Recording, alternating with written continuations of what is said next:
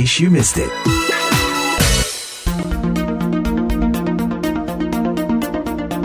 In case you miss it, Hari Anak Nasional diperingati setiap 23 Juli. Tahun ini peringatan Hari Anak Nasional bertemakan Anak Terlindungi Indonesia Maju. Tema yang digunakan sejak 2020. Bersama saya Utami Husin, VOA Washington mengajak Anda mengikuti perbincangan dengan Agustinus Kadepa dari Gerakan Papua Mengajar dan Silvi Dewayani, Ketua Komisi Perlindungan Anak Indonesia KPAI daerah Yogyakarta, mulai dari apa saja masalah yang dihadapi anak Indonesia hingga harapan bagi anak-anak Indonesia. Kita mulai dari Ibu Silvi, secara umum apa sih Bu masalah yang masih dihadapi anak Indonesia, terutama terkait dengan pemenuhan hak-hak anak? Berbicara mengenai hak anak dan bagaimana kita melindungi anak serta memenuhi hak-haknya, kita sudah comply terhadap konvensi hak anak internasional. Dan Indonesia ini kan sudah meratifikasinya sejak tahun 90 dan tugas untuk melakukan pemenuhan dan perlindungan ini kan menurut Undang-Undang 35 tahun 2014 itu kan ada di pemerintah yaitu negara Indonesia, pemerintah daerah, masing-masing kabupaten, kota dan provinsi, kemudian masyarakat dan keluarga. Secara amanah undang-undang empat institusi ini wajib melakukan pemenuhan hak anak dan perlindungan terhadap anak. Hak anak itu apa saja sih yang paling utama? Kita kan punya lima kelompok lah yang harus kita perhatikan. Yang pertama adalah hak sipil. Banyak loh di Indonesia yang belum sadar akan hak sipil anak. Bagaimana anak benar-benar terregister, terakui sebagai warga negara, yaitu ada akte masuk di dalam kartu keluarga, memiliki kartu identitas anak secara nasional itu ya sekitar 60 persen lah untuk pemenuhan kepentingan terhadap hak sipil anak. Klaster kedua itu hak untuk mendapatkan lingkungan keluarga dan pengasuhan alternatif. Jadi bagaimana peran keluarga, parentingnya itu sebetulnya diatur juga di dalam hak-hak anak itu. Sekarang sudah banyak yang bapaknya bekerja di kota yang lain, kemudian siap Sabtu Minggu baru balik. Ini kan tidak bisa kemudian dilarang. Tapi bagaimana kemudian kita ini membuat sebuah strategi bagi keluarga yang harus LDR begini. Kemudian yang divorce itu kan juga makin banyak. Pengasuhan alternatif itu yang mulai dari anti asuhan yang sekarang ini sedang KPAID Yogyakarta ini telisik adalah pengasuhan alternatif yang ada di boarding school. Banyak tren anak-anak sekarang ini dimasukkan ke pondok pesantren di kelas 7 masuknya. Usia kelas 7 atau SMP, peran orang tua sangat besar di situ. Sangat menentukan bagaimana anak itu kemudian terbentuk karakternya. Saat dia masuk ke dalam sebuah institusi, yaitu boarding school. Boarding school ini harus menggunakan prinsip pengasuhan alternatif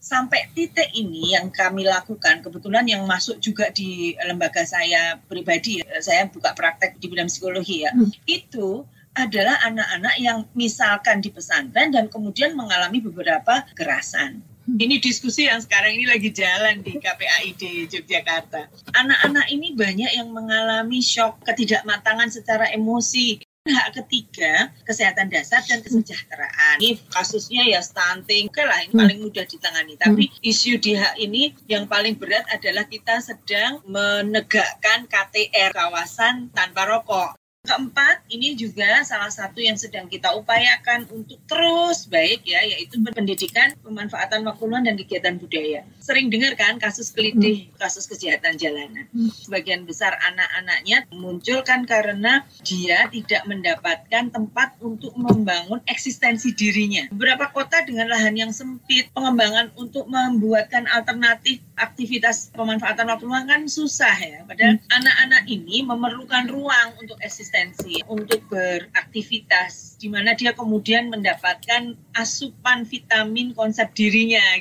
gadget. Kalau di psikologi ya gadget ini kan sebuah alat tetapi dia di lain pihak dia juga membuat tumpulnya kemampuan berpikir strategis yang lebih tekun gitu. Hmm. anak-anak kan jarang tahan pada proses yang panjang. Durasi kerja mereka makin pendek. Kalau hmm. saya melakukan seleksi di perusahaan di biro saya itu kan hampir semua kenapa ya sekarang kecenderungan anak-anak milenial yang baru-baru ini persistensinya rendah? Daya juangnya ada yang tinggi tetapi persistensinya rendah. Pada pada saat hmm. dia dihadapkan pekerjaan yang terus menerus sama kemudian dalam durasi panjang itu nggak tahan sepanjang pengetahuan saya kalau kita mau mengurangi dampak sebagai pemikir pragmatisme seperti itu anak-anak perlu dilibatkan di dalam kegiatan-kegiatan olahraga seni dan budaya Hak kelima berkait dengan perlindungan uh, hak anak. Jika 1, 2, 3, 4 tadi tidak terpenuhi, maka masuklah di hak ini. Perpres nomor 101 tahun 2002 baru saja ditandatangani dan diluncurkan oleh Pak Presiden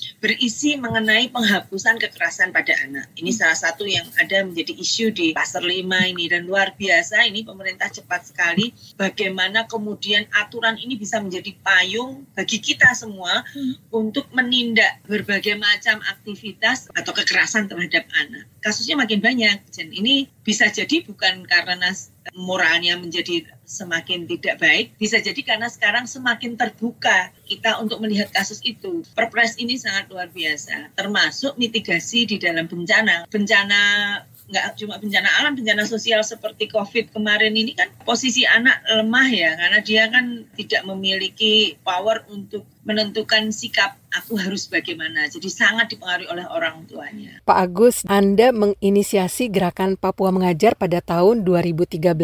Kalau Anda melihat apa masalah besar di Papua Pak dalam hal hak-hak anak dan juga bisa Anda jelaskan mengenai gerakan Papua Mengajar atau GPM ini? Yang paling besar itu persoalan ekonomi keluarga. Hampir rata-rata orang Papua itu mengalami kekurangan dalam kondisi pemenuhan kebutuhan hidup. Itu menimbulkan masyarakat itu cenderung berjuang untuk memenuhi kehidupan sehari-hari. Itu membuat perhatian pengasuhan anak itu terabaikan sehingga pendidikan dasar tidak menjadi hal pokok untuk melihat masa depan anak Gerakan Papua Mengajar hadir untuk melengkapi apa yang diajarkan di sekolah. Jadi kami melihat ada yang tidak connect antara sekolah dengan anak-anak itu tinggal. Memang itu ada dua lingkungan yang diciptakan kan, yaitu di lingkungan sekolah maupun lingkungan rumah, di mana anak itu tumbuh berkembang dan belajar.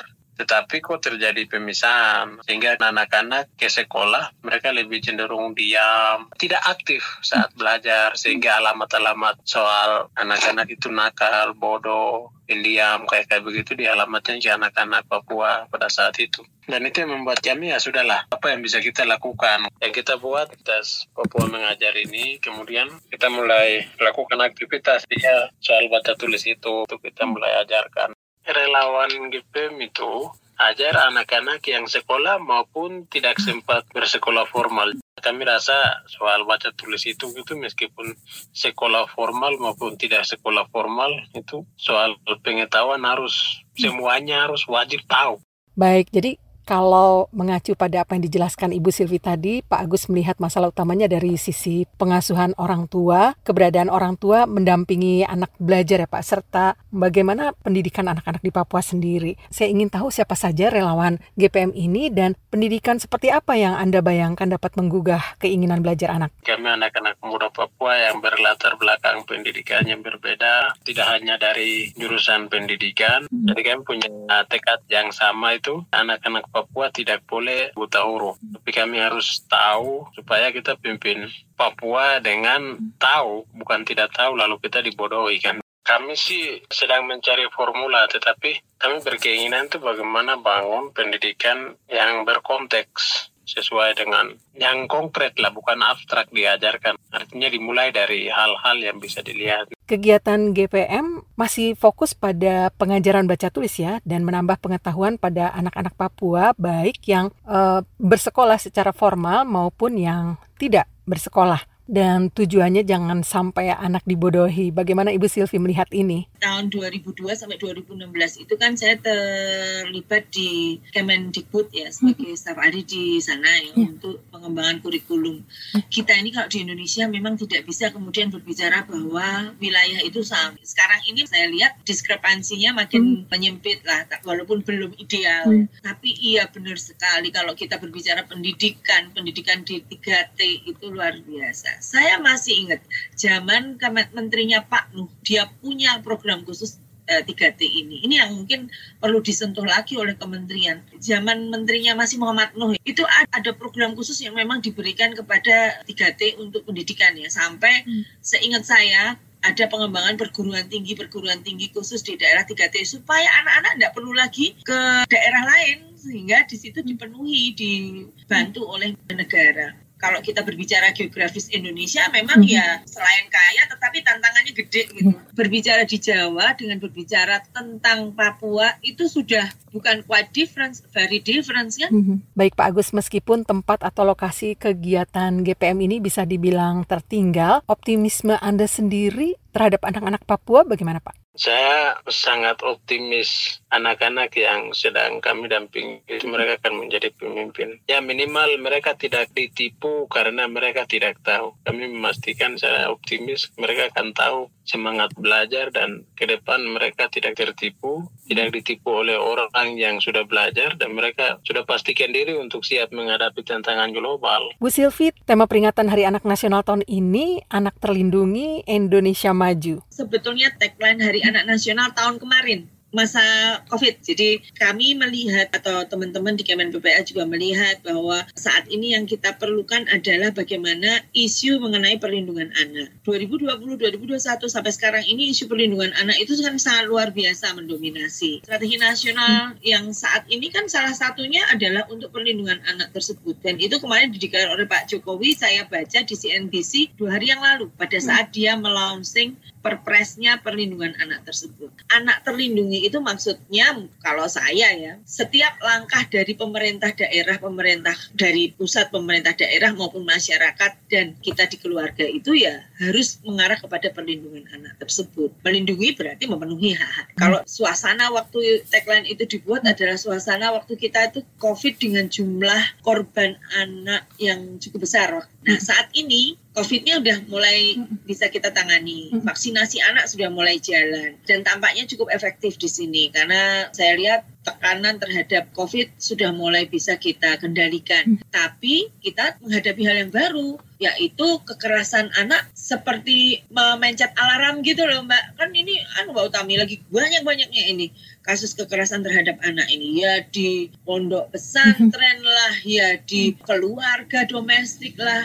Malah yang di fasilitas umum sudah enggak ya. Tapi kasus-kasus seperti itu lagi banyak dan merajalela. Apa yang ingin Pak Agus sampaikan berkenaan dengan Hari Anak Nasional? Hari Anak Nasional ini menjadi satu momen kalau memang ini menjadi ajang untuk bagaimana semua para orang tua itu bersepakat untuk mengasuh, membina dengan baik ya, anak-anak ketika dalam pertumbuhannya ini harus dalam pendampingan yang ekstra. Harapan saya ya di Hari Anak Nasional ini menjadi momen awal untuk bagaimana terutama anak-anak Papua dan orang tua itu bersepakat untuk anak-anak siap untuk berada dalam dampingan orang tuanya dan orang tuanya juga siap untuk mendampingi anak. Itu saja saya rasa. Kalau Bu Silvi?